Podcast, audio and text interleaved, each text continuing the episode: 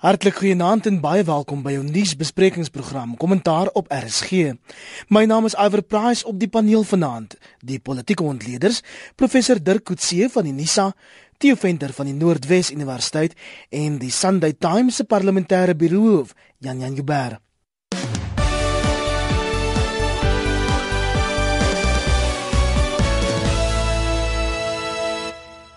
Kollegas, ons begin met 'n politieke drama wat om toevallig op 1 April gekke dag in die media begin afspeel het. En in die beeldrubriek Loodse praatjies is dan ook opgemerk die een wat die hardste gelag het was president Jacob Zuma. Want meer onthullings en binnengevegte oor die spionasiebande hoe kleiner die kans dat hy ooit weer die binnekant van 'n hof gaan sien. Janjan skets vir ons die agtergrond oor die beëdigde verklaring wat Willie Hofmeyer die nasionale vervolgingsgesag se adjunkhoof afgelê het Mense het dikwels die verkeerde idee oor oor wat van die spionasiebande verwag word. Hoe meer daar in die spionasiebande is, hoe beter vir president Zuma en hoe minder daar is wat enige substansie het, hoe slegter vir hom. Want die DA um, veg nou al 5 jaar om daardie eintlik amper 6 jaar om daardie uh, spionasiebande te kry. Nou net ter agtergrond, dit is met ander woorde die gesprekke en ander inligting wat daartoe gelei het dat meneer Mse wat destyds die waarnemende hoof van nasionale vervolgings was, besluit het om nie vir president Zuma op al daai korrupsieverwante aanklagte aan te kla direk voor die 2009 verkiesing nie. Nou as daar 'n klomp goed binne in daai spionasiebande gesê word deur veral Leonard McCarthy en Bulelani Nguga wat um, wat Mse se een voorganger was, dan um het president Zuma 'n voet om op te staan want dan was daar komplot teen hom gewees. As daar nie veel in is nie, dan was daar natuurlik geen rede om op grond daarvan die klagtes te laat vaar nie. Nou hoekom weet ons nie wat daarin is nie? Want die regering wil nie vir ons sê wat daarin is nie. En die DA veg nou al 6 jaar lank om daai bande te kry sodat ons kan weet op grond waarvan die klagtes teen meneer Zuma laat vaar is. Onthullings in daai verklaring van 154 bladsye toe wat ook allerhande stemme die verlede weer op die voorgrond plaas. Jan Jan het nou daar verwys na advokate Bulelani Nguka en Lenet McCarthy. Ja, histories is dit nogal interessant om weer daarna te kyk oor die intense dae voor meneer Zuma se benoeming as president en die rol wat Thabo Mbeki daar gespeel het en die verskillende gesprekke wat daarin plaasgevind het.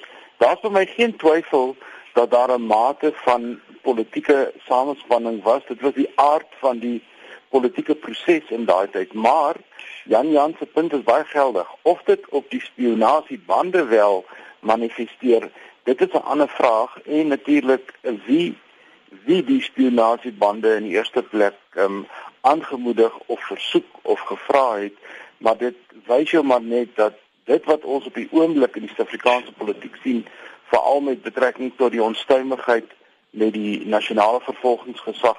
Die minister van polisie meneer McBride ehm um, Ria Piega dis nie nuwe goed nie. Dit dit het al gebeur lank terug. En een van die een van die interessanthede was die groot debat rondom die destydse verandering van die pos van van van ehm um, prokureur-generaal wat 'n amptenaar was van justisie na die nasionale vervolgingsgesag was juis gewees om dit minder polities te maak. Dit lyk vir my die uitkoms van daai historiese grondwetlike besluit het eintlik daartoe gelei dat dit meer polities geword het.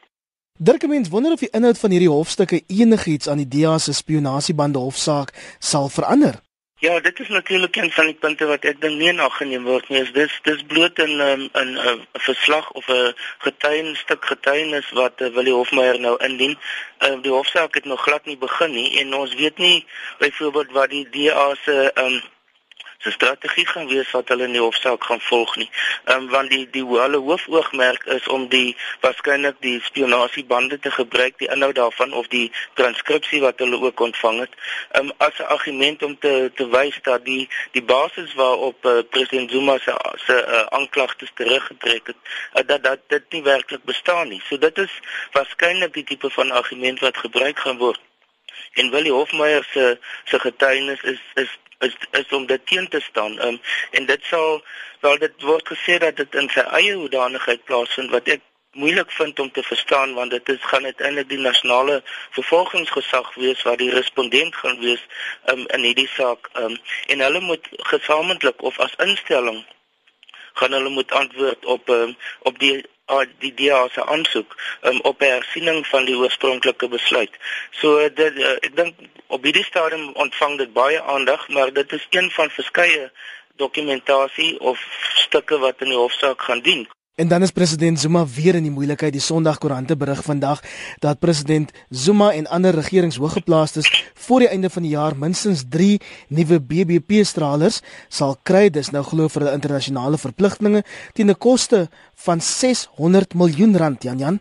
Ja, ek vind dit skokkend. Jy weet, ons uitstekend gevaar daardeur uh, my oud kollega Erika Gibson wat regtig vir die lugmag en onthou dis die weermag wat verantwoordelik is vir hierdie tipe BBP um dinge.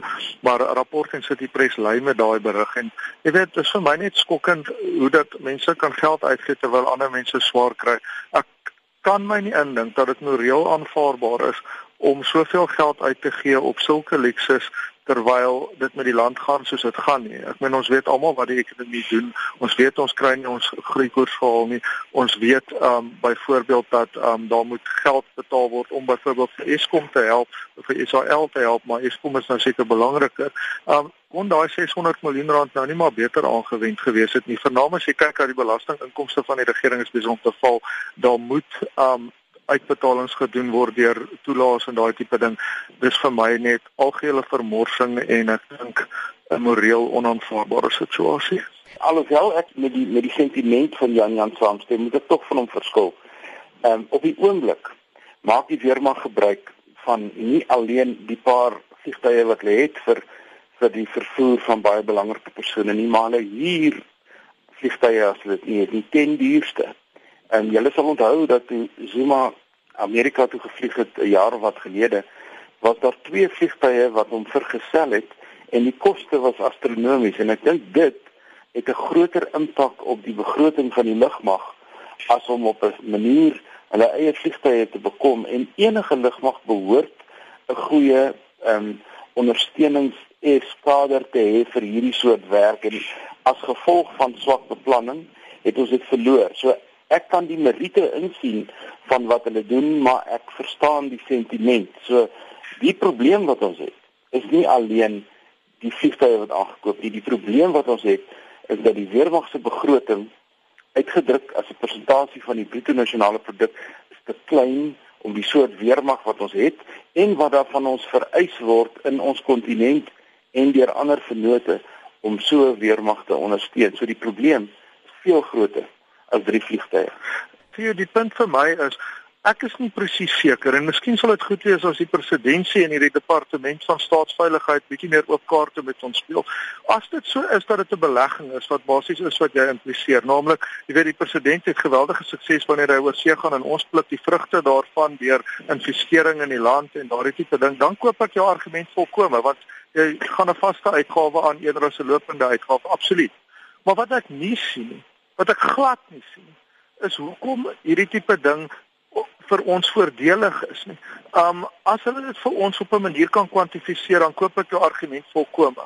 Maar ek is nie seker hoekom president Zuma byvoorbeeld so baie in Angola is waarvoor hierdie vliegtye byvoorbeeld gebruik sal word of in allerlei ander lande wat of Rusland of wat ook al waar daar vreeslik baie besoeke aangebring word. Daar's 'n vreeslike klomp geld betrokke, maar ons sien dit nie. Intussen betaal ons nou maar nog. En dan tweede punt, um jou veronderstelling is dat die lugmag hierdie vliegtuie gaan in stand kan hou en ek's nie presies seker of die kundigheid daar is om dit te doen. Dirk en dieselfde asem met rapport in City Press dan nou ook berig dat die geld wat gaan gebruik word vir hierdie BBP stralers is die einste begroting wat op sy gesit is vir daai broodnodige vragvliegtuie waar sonder ons troepe in die buiteland erg weerloos gelaat word. Ja, dis dis 'n baie belangrike of moeilike keuse wat gemaak moet word want albei van hierdie twee uh, tipe van vliegtye is uiters belangrik vir Suid-Afrika um, en veral vir die rol wat Suid-Afrika in Afrika lande speel. Um, mm, mm. Ek dink die die een groot onderskeid wat wat baie belangrik is is dat daar word dikwels gesê die Britse eerste minister gebruik uh, British Airways om te vlieg on, op kom, met kommersiële vlugte, maar as dit is as as as 'n staatshoof of die eerste minister vlieg tussen lande waar daar um kort af relatief kort afstande is of waar daar gereelde kommersiële vlugte is, is dit makliker om dit te gebruik, maar byvoorbeeld die die lugverkeer in sit in Afrika in die algemeen is baie meer problematies. Um indirekte vlugte byvoorbeeld sien wat is in Suid-Afrika en uh die dis in, in verskeie ander lande bestaan net nie op 'n kommersiële vlak. So dit beteken dat daar nuwe behoeftes bestaan um En gegee die posisie wat nie net Suid-Afrika direk raak nie, maar byvoorbeeld Suid-Afrika is op die oomblik die voorsitter van in Engels noem hulle dit die SADC se Organ on Politics Defence and Security Corporation. Wat beteken dat Suid-Afrika moet die leiding neem as daar probleme is in die DRK of Madagaskar of Zimbabwe um, of soos ons gesien het nou vroeër in Lesotho. Ehm um, dieselfde as Suid-Afrika is nou deel van van BRICS wat beteken dat daar baie meer dat daar elke jaar 'n uh, uh, uh, uh, spitsberaad van die BRICS-lande plaasvind en dat daar voorbereidende vergaderings moet wees. En hierdie vliegte raak nie net die president nie, dit raak raak ook die adjunkpresident en sekere ministers en veral die minister van verdediging, maar ook van die ander ministers. So, as ons wil sê Suid-Afrika moet sy rol internasionaal speel, dan gaan dit definitief belangrik wees. En hierdie die vlieg bestaande vliegtye behalwe vir die Boeing is totaal verouderd. So daar is 'n vernuwing wat nodig is om om plaas moet plaas te vind. Met betrekking tot die vragvliegtuie, ek dink dis die een groot faktor. En ons het dit gesien in die Sentraal-Afrikaanse Republiek dat die feit dat weer eens vragvliegtuie van private organisasies gehuur moes word um, om die die voorrade na die Sentraal-Afrikaanse Republiek te, te neem was een van die verklaringe hoekom daar daardie insident daar was wat meer as 13, 14, 15 Suid-Afrikaanse soldate uiteindelik daarso gedood is. Ehm um, dit beteken ook dat dit is van absoluut kardinale belang dat Suid-Afrika as hy betrokke raak by vredesmagte in ander Afrika lande het hierdie tipe van lugondersteuning nodig. Ehm um, daar is Suid-Afrika nou saam met nege ander lande ook ehm um, deel van die wat ehm um, net 'n baie lang naam maar dit kom daar neer die vinnige reaksie mag van die Afrika Unie. Ehm um, en dit beteken dat daar nog meer uh, op Suid-Afrika geondersteun word vir uh vir lugondersteuning. So hierdie tipe van vragvliegtuie is van absoluut kardinale belang vir Suid-Afrika. Is meer belangrik as om duikbote of vegvliegtuie te hê um, vir Suid-Afrika om sy rol te speel in Suid-Afrika of in Afrika, maar selfs miskien buite Afrika. Omtrent 'n besige nuusweek ook die uitskoppery van Zwelinzima Wawie uit die vakverbond Kusatu, die begin van 'n politieke herskikking wat die ANC se mag kan uitdaag en Tieu ook 'n politieke drama wat arbeidsverhoudinge op die kop kan keer. Ja nee, dit was kyk dit was lank te wagte en en na Sondag se persverklaring wat uh, Wawie gehou het en waar by lede van NUMSA by betrokke was, het hy duidelik 'n streep in die sand getrek en uh, die algemene verwagting was dat die sentrale uitvoerende komitee van Kusatu eintlik geen keuse gehad het op die maandag uh om hom om hom te skors nie. Nou dat hy geskort is, is daar 'n natuurlik 'n paar los en punte van hierdie hele debat wat mense dan moet kyk. Die ANC se persverklaring daaroor was dat hulle taakspan hou nog steeds aan om te soek na eenheid.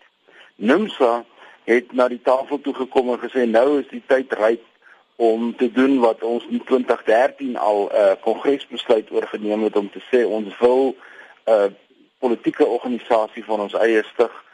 Waar wie is in 'n sekere sin vry om dit nou te doen.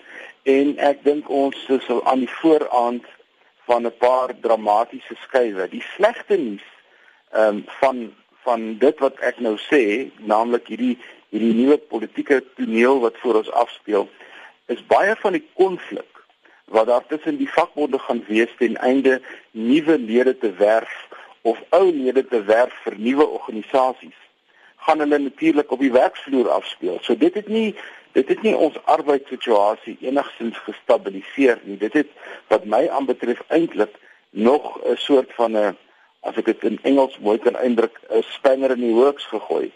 Dirk, ek wonder of ons nou massa mobilisering te wagte kan wees want minstens 6 Kusatu vakbonde gaan voorlopig met Nomsa en meneer Wawi saamwerk en dan het 'n groot Kusatu man, Patrick Kruiven, hom ook die week by meneer Wawi geskaar.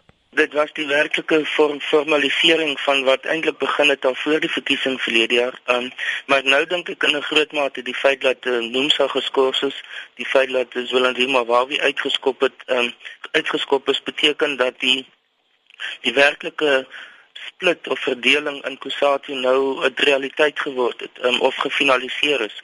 Um ek dink die mobilisering het reeds plaasgevind en een van die besluite wat ook geneem is is om die alternatiewe NUMSA uh, die Liberated Metal Workers of South Africa om hulle reeds toe te laat tot Kusatu terwyl hulle streng gesproke nog nie um voldoen aan al die vereistes daarvoor nie. Ek dink wat ons ook gaan sien is is dat die die die proses wat Nomsa mee begin het reeds voor die verkiesing uh, om in ander sektore as die metaalwerkers en die ingenieurs uh, sektore um, lede te werf ook nou nog meer gaan plaasvind. Um, dan die die groot faktor gaan wees wat die ander sewe uh, vakbonde gaan doen of hulle um, amptelik uiteindelik hulle hulle uh, posisie gaan heroorweeg binne Kusatu en dat hulle ook gaan wegbreek amptelik gaan wegbreek want dit het nog nie regtig plaasgevind nie. Um, en dan 'n nuwe vakbond gaan of vakbond federasie gaan vorm want dit is eintlik eers op daardie punt dat dan mens kan sê dat daar 'n nuwe eenheid uh, binne die vakbond beweging tot stand gekom het dat daar 'n nuwe vierde federasie um, in die Suid-Afrikaanse konteks nou is. Wat ook belangrik gaan wees is byvoorbeeld waar AMKO homself gaan gaan vestig, gaan AMKO na nader getrek word na um, na Nomsa toe want uh, polities ideologies gesproke is al nie presies in dieselfde kamp nie. Um, en dit dit gaan 'n belangrike faktor wees want die mynbedryf soos ons gesien het is natuurlik een van die kernsektore wat uh, ge, in in in terme van vakbondbedrywighede.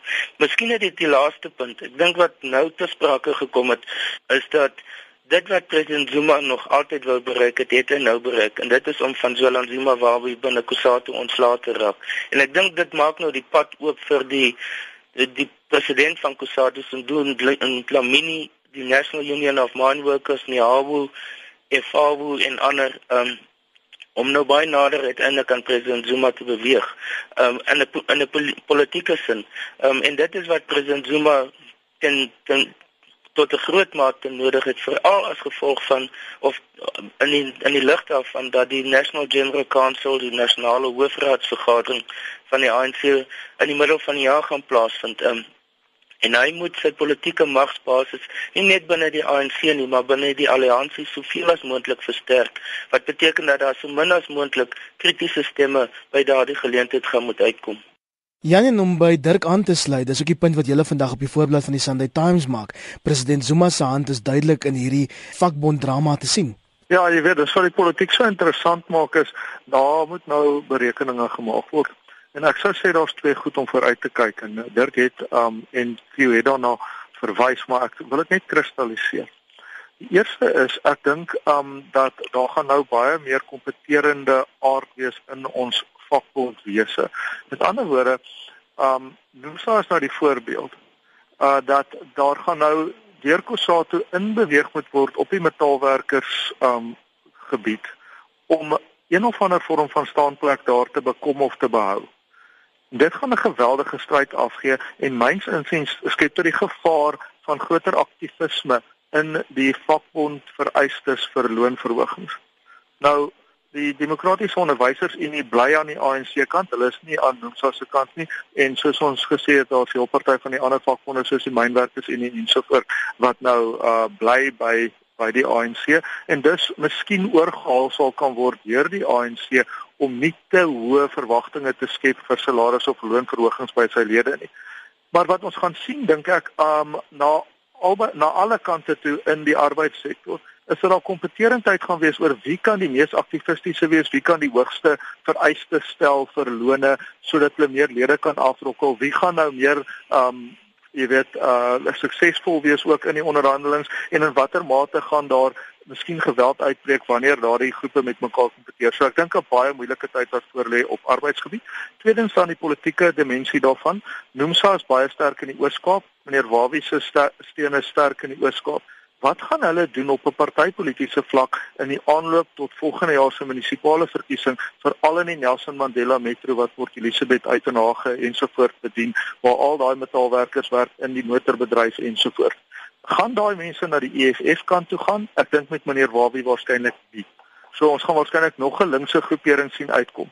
Dit maak groot moontlikhede oop vir die plaaslike verkiesing in Port Elizabeth, want dit gee vir um die werklike linkses heel moontlik die geleentheid om as die koningmaker of die die die kroon um uitdeler te wees in 'n wedloop wat verwag word om bitter naby te wees tussen die DA en die ANC vir die beheer van Port Elizabeth. Dit beteken dan daar gaan vier groot groepe wees wat om dop te hou. Die ANC, die DA, die EFF wat nie so groot is in Port Elizabeth nie en hierdie linkse groepering. So baie baie interessante dinge, maar dit sal 'n dwaas wees wat op hierdie stadium gaan voorstel. Dit hang baie af van wat maak hulle met die bal wat hulle nou in die hand gevat het. Intussen vir die storm steeds by Eskom waar 'n proses begin is om 'n nuwe raadsvoorsitter te vind. Dr Ben Ngubani neem tydelik waar nadat Zola Tsotsi skielik bedank het en ons het in die verlede al so baie oor probleme by Eskom gepraat, Dirk. Dit lyk of mense wel effens meer positief is na Lynn Brown, die minister van openbare ondernemings se media konferensie vroeër hierdie week. Een van die groot probleme tot dusver en byvoorbeeld as mens teruggaan na die staatsrede van die president is dat hy nie hierdie aspek aangespreek nie. Hy het verwys na die die alternatiewe vorm op bronne van energie of elektrisiteit wat eh, wat die regering aan dink. Ek dink byvoorbeeld aan die presiese ooreenkoms, maar dit het nie gekyk na die interne bestuursprobleme binne Eskom nie. En dit is nou iets wat nou meer en meer na vore tree as as waarskynlik een van die belangrikste redes vir die elektrisiteitsprobleem en nie noodwendig die die beplanning vorentoe van watter tipe van elektrisiteit ons moet gebruik nie. Ek dink 'n ander faktor wat ter sprake kom in en iets waar waaroor daar teenstrydige ehm um, syne uitgestuur word na buitentoe is oor die monopolie van Eskom vorentoe. Ehm um, aan die een kant is dit duidelik dat die regering wil nie werklik die monopolie van Eskom opgee nie maar terselfdertyd is is dit ook duidelik dat die Eskom nie die die bestuursvaardighede of die bestuurskapasiteit op die oomblik het um, om werklik die korttermynbeplanning te kan maak om ons deur hierdie fase te kan neem om oor hoeveel jaar ook al wanneer Medupi en ander volledig aanlyn is um, om ons deur daardie proses te kan neem nie.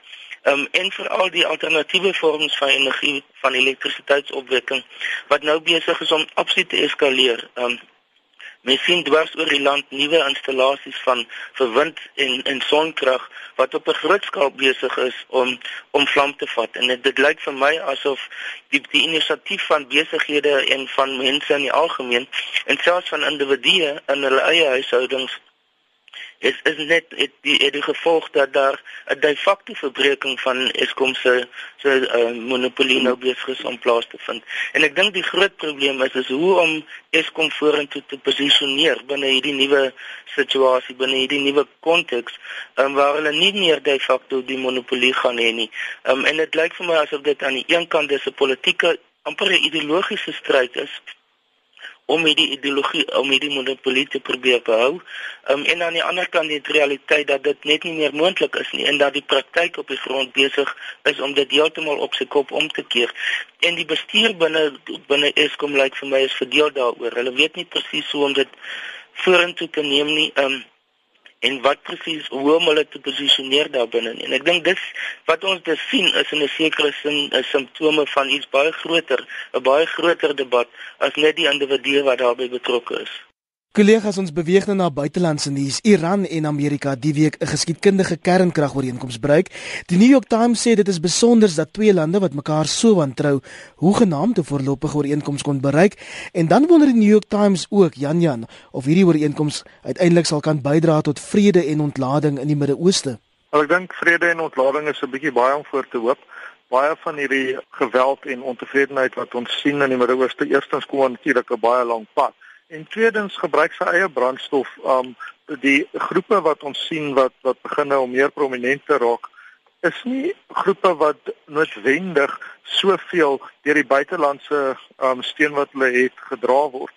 So dis altyd 'n goeie ding as twee lande wat vir mekaar geknor het soos Amerika en Iran tot 'n vorm van ooreenkoms kan kom oor enige iets. En oor kernkrag wel, dis 'n goeie ding want um jy weet selfs is dit net strategies omdat daar soveel geld en en en 'n um, soort van belegging by betrokke is, ook belegging van vertroue betrokke is. So ja, dit sal natuurlik die um klimaat verbeter of die temperatuur afbring, maar of dit dit gaan oplos, ek glo dis te veel om voor te loop. So Dirk, ons verwag dat daai finale ooreenkoms teen 30 Junie afgehandel sal word. Is die idee dan dat sanksies teen Iran opgehef sal word? Nee, ek dink dis 'n baie langer proses wat ter sprake is. Ehm um, die die die teikendatum wat daar is, is selfs ehm, 'n um, bietjie ek dink uh, gaan moeilik wees om gehaal te word. Ek dink die die ander perspektief wat 'n mens miskien moet bybring hier is die feit dat die die Amerikaanse Kongres het hulle in in 'n groot aantal van die senatore het 'n oop brief geskryf waarin hulle hulle self distansieer van die Amerikaanse posisie. Ehm um, so daar's baie meer interne Amerikaanse politiek hier te sprake. En dan moet mense natuurlik onthou dat ehm um, die Israeliese verkiesing het nou net plaasgevind. Ehm um, Benjamin Netanyahu is nou weer aan gaan waarskynlik weer die die volgende eerste minister wees. Sy sy verkiesingsveld tog was hoofsaaklik gefokus geweest op hierdie onderhandelingsproses en was baie krities daaroor. Hy is uitgenooi na die Amerikaanse Kongres toe sonder die ondersteuning van die Withuis en het homself in Amerika ten sterkste uitgespreek daarteen. So die die die primêre fokus van hierdie ooreenkoms en dit is om dit probeer da om meer sekerheid veiligheid vir Israel te on, onderhandel het eintlik nou geboomerang en en en is nou deel geword van die interne Amerikaanse politiek, ehm um, sowel as die interne Israeliese politiek. Ehm um, so die die want die twee die twee hoofpole in die Midde-Oosterse situasie wat deur hierdie onderhandelinge probeer aangespreek geword het is Israel en Iran. Ehm um, wat natuurlik die byproduk van dit gaan wees is dat die onder die diplomatieke verhoudinge tussen Iran en die VSA saam met die ander Europese lande want dit was nie eintlik nie net 'n ooreenkoms tussen Iran en die VSA nie maar dit was die sogenaamde P5+1 wat Duitsland ook aansluit um, en dan die ander vyf uh, permanente lede van die VN um, dat dit beteken dat Iran oor tyd weer deel van die die van die internasionale gemeenskap gaan word sodat sy posisie gaan genormaliseer word. Maar die sanksies wat in die, in die eerste instansie deur Amerika ingestel is teen Iran, gaan deur verskillende vorms van wetgewing in die Kongres verwyder moet word. En dit gaan 'n baie lang proses wees. Dit gaan nie net een ooreenkoms wees wat deur deur die Kongres uh, geratifiseer moet word maar verskeie nuwe wetgewing.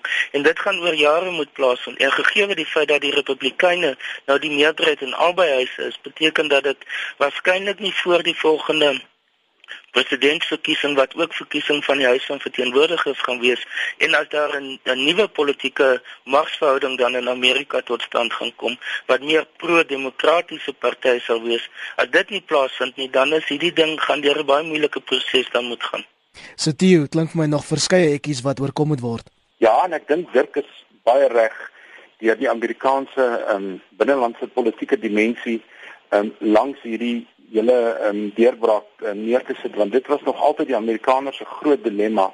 Um, ek dink nou terug aan die SALT ooreenkomste van die 70s en die 80s met die ou Sowjetunie was dit 'n uh, groot deurbraak, maar die deurbraak het het uh, op die tuisfront uh, in die Kongres eintlik misluk. Ek wil net twee goed bysit. Ek dink ek dink dit is 'n belangrike gebeure want dit is omtrent die eerste keer in amper 40 jaar. Julle sal onthou die Iran krisis van 1978 dat die Amerikaners in 'n in 'n in 'n op 'n op 'n op 'n omvangryke manier met die Iranese onderhandel oor 'n sekere soort ding. So ek dink dit moet erkenning geniet dat die Amerikaners het daardie probleem soos wat hulle met Kuba ook het uiteindelik oorkom want baie keer is die probleme meer Amerikaans as wat dit buitelands is. Die tweede ding wat 'n mens moet noem is alhoewel die moslim wêreld na 'n monolitiese eenheid lyk, weet ons dat daar is verskille tussen Shiite en Sunnis en Iran is 'n baie belangrike speler in hierdie vete tussen Sunni en en en Shiite. En dan in die derde plek wat baie belangrik is, Hierdie ooreenkoms bring Iran binne in die genormaliseerde, geïnstitusionaliseerde wêreld van kernbeheer dat hulle vir die vir die Iranese sê julle het 'n wettige reg en 'n verwagting om kernkrag te gebruik en kernnavorsing te doen in soverre as wat julle dit wil gebruik vir energie maar dat daar beperkings is op julle vermoë om 'n kernwapen te maak en ek dink dit was die beperking en dit was die vereiste van Israel en dis meer so ek dink uh, as ek na die hele prentjie kyk is dit meer optimisties as wat ek pessimisties is. In ander nuus, Kenia se president Uhuru Kenyatta het 3 dae van rou afgekondig na aanval deur Al-Shabaab op universiteit waarin bykans 150 mense dood is. In dieselfde asem het Nigerië 'n nuwe president, Muhammadu Buhari, en ons het in die laaste paar weke breedvoerig oor die Nigeriese politiek gepraat, maar wat hierdie twee lande in gemeen het, is die stryd teen terreur, Dirk. Ja, nee, dit is definitief so. As ons kan begin by Kenia, um, ek dink die die punt wat wat baie duidelik gemaak moet word is dat Al-Shabaab regverdig hulle terreur optredes in Kenia op grond daarvan dat die Keniaanse weermag baie betrokke is in die Afrika Unie uh mag in Somalië, die sogenaamde AMISOM, um veral sedert 2011 en dat hulle gesien word deur Al-Shabaab as eintlik die die belangrikste faktor um, faktor, militêre faktor wat verhoed dat Al-Shabaab werklik beheer oor Somalië kan oorneem. So dit word gesien uh, dit moet gesien word as 'n vorm van intimidasie van Al-Shabaab se kant teenoor Kenia en die Keniaanse um, se regering om te probeer hulle te dwing om daardie militêre teenwoordigheid uit Somalië te onttrek. Dieselfde geld ook vir Uganda en ons het gesien verlede week was daar um, in in Kampala waar die Amerikaanse regering daar die ambassade en ook in um, die ambassade gesluit en en ook mense gewaarsku teen moontlike optredes. Ehm um, dieselfde geld ek dink tot 'n mate ook vir lande soos Ethiopië. So ehm um, Kenia is is dus nie geïsoleerd in hierdie situasie nie. Ek dink wat mense moet in in ag neem is is dat ehm um, Terselfdertyd was dit net vir Paasnaweek gewees, so dit het ook 'n baie hoë simboliese waarde gehad en ons het gesien dat daar dat Al-Shabaab in hierdie optrede onderskeid tussen Christene en Moslems gemaak het. Ehm um, wat groot mate wat mense as mense nou oog gaan na, na Nigerië toe. Ek dink een van die interessanthede van die verkiesing in Nigerië was die feit dat president Buhari of komende inkomende president Buhari is 'n moslim ook en dat hy ondersteuning gekry het nie net van die noorde en van die ooste nie, maar ook in groot dele van die suide. En dit dui moontlik daarop dat hy gesien word as 'n meer effektiewe president of as 'n leier om teen Boko Haram in die, in die toekoms te kan optree want een van die ek dink een van die kenmerke van die Goodluck Jonathan regering was dat hy gesien is as as 'n regering wat eintlik lam was. Mens dink aan die meer as 200 meisies wat ontvoer is. Hulle weet naaste by waar hulle is, maar die Nigeriese weermag het wou niks doen om hulle te gaan uithaal daar uit nie. So ek dink daar was 'n nasionale soos hulle in Engels sê backlash wat plaasgevind het oor veral Boko Haram um, en die feit dat daar 'n groter effek, meer effektiewe militêre optrede um, teen Boko Haram moet plaasvind. Ek dink net 'n laaste punt wat interessant is oor die verkiesing in Nigerië is hoe is hoe laag die stempersentasie was. Ehm um, die Buhari het omtrent 5 net oor die 15 miljoen stemme gekry. Goodluck Jonathan 12 miljoen is omtrent amper 28 miljoen in totaal uit 'n totaal van uh, eh, 67 miljoen wat hulle ehm um, hulle verkiesingskaarte gehad het wat dus kon gaan stem het uit 'n totaal van van amper van meer as 70 miljoen uh, mense wat kon gaan stem het. So die stempersentasie is relatief laag. Ons weet nog nie presies wat die betekenis daarvan is nie. Is was mense geïntimideer omdat Boko Haram het gesê hulle gaan die periode van die verkiesing as 'n teikenperiode gebruik of was dit 'n wegbly stem geweest? En ek dink ons gaan oor tyd sien wat die werklike betekenis daarvan was. Janie, 'n mens kan nie help om nogal benou te voel en te wonder of ons nie besig is om die stryd teen terreur te verloor nie. Dis 'n proses. En ek dink op die oomblik um het die terreur um groepe meer sukses as miskien enige tyd en miskien kan die ander twee my help as ek hier verkeerd is, maar sedert die 70er jare. Nou kyk in die 70er jare het die terreurgroepe mos streeslik baie um sukses gehad en toe daar 'n teenreaksie ingetree. En my gevoel is en ek sien Leopold Skols het dit ook geskryf in die burger dat um dit moontlik is dat uh, mense gaan begin keelvol raak hiervoor en dat dit dalk hierdie uh opflikkering is voordat hulle gesnuit word of in elk geval onderdruk word met 'n tipe van 'n gesamentlike gevoel van so kan dit nie aangaan nie. Ek meen as jy kyk na byvoorbeeld die ontvoering van jong meisies deur Boko Haram waarna Dirk verwys het nou en jy kyk na die manier waarop ISIS mense, jy weet, onthoof. Ek dink nie enige beskaafde mens onafhanklik van jou godsdienstsiening of jou geen godsdienstsiening kan dit kan dit gedoog nie. So ek het net 'n gevoel dat ehm um, dis partykeer die vloei voor die app. Met ander woorde dat daar dat daar dalk dat daar net 'n tipe van 'n walging kan ontstaan by die wêreldbevolking en dit kan baie slegte gevolge hê vir hierdie mense. Dit kan ook die islamitiese monoliet um laat wegkalwe dink ek um as meer gematigde islam en ons sien reeds uh, tekens daarvan hier in Suid-Afrika waar heel party van die islamgroepe, moslimgroepe um die regte ding doen en hulle van hierdie tipe van ekstremisme um jy weet um verwyder en sê ons stem nie saam daarmee nie. En ek dink dit is dalk iets wat hier by ons en ook oral anders in die wêreld dalk tot groter vrede kan lei. Ek hoop maar so in hierdie tyd van groter ekstremisme. Kollegas ons moet begin aanstaltes maak maar wil ons moet afsluit met een van die aanbevelings deur die Falem kommissie en dit is dat die polisiehoof-generaal Ria Piega moontlik strafregtelik vervolg moet word na die Marikana tragedie waar 34 mynwerkers doodgeskiet het. Die Falem kommissie se verslag is aan die presidentsie oorhandig. Ek dink dit moet nog bekend gemaak word, dan moet nog reaksie op kom, maar alles dui daarop dat die dat die vinger word gewys na die polisie se topbestuur oor hoe hulle en watter opdragte hulle gegee het en op watter wyse dit gedoen is en ek dink uh, generaal Ria Piega sal 'n geruime tyd onderdruk en ek wonder of die Farnham kommissie se verslag nie daardie stukkie ding is wat daar oor die mespunt gaan gaan stoot en wat maak dat sy deur in en in 'n die mekaar ehm um, veiligheids um, groepering of dit nie die begin van haar einde is nie Ja, um, ek dink sy is 'n skokkend swak polisiehoof. Uh en en sekerlik moet daar eerglas in 'n stadium uitloop. Haar blinde lojaliteit aan die regering van die dag is waarskynlik al wat haar daar hou. Nou wat ons weet is dat um en dis maar dis nie net hierdie regering hier, dis maar in die verlede ook.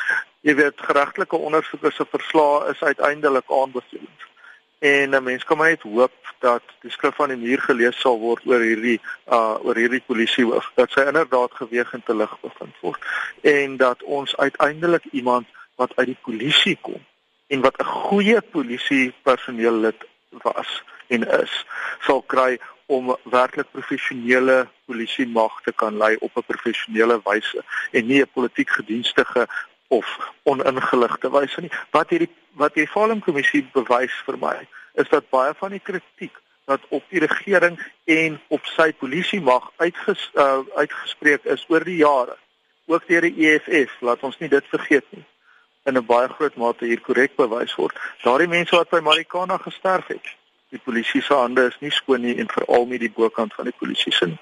Dirk ten slotte ons praat nou net in terme van die ver, uh, verslagdoening wat daar plaasvind. Ons het nog nie die verslag self gesien nie, maar gegee dit, ehm um, is dit effens teleurstellend na my mening dat dit die die hoof aanbeveling of die belangrikste gevolgtrekking van die kommissie gaan wees as dit definitief so is.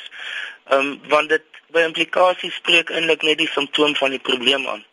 Um die eerste instansie is die feit dat daar geen politieke verantwoordelikheid geneem word of dat dit dat daar aanbeveling is dat daar politieke verantwoordelikheid vir hierdie uh, moorde um geneem moet word nie. Dat dit dink ek is 'n is 'n groot um 'n uh, faling wat daar plaasgevind het in hierdie proses want uh, ons het nog nog nie 'n geleentheid gehad waar 'n minister gesê het ek neem verantwoordelikheid vir iets wat in my tyd gebeur het um, en ek bedank nie. Um Al is dit Natem Tetwa wat nie meer die minister van polisie is nie, is dit in sy tyd en hy is ek dink na my mening polities verantwoordelik om politieke verantwoordelikheid daarvoor te neem.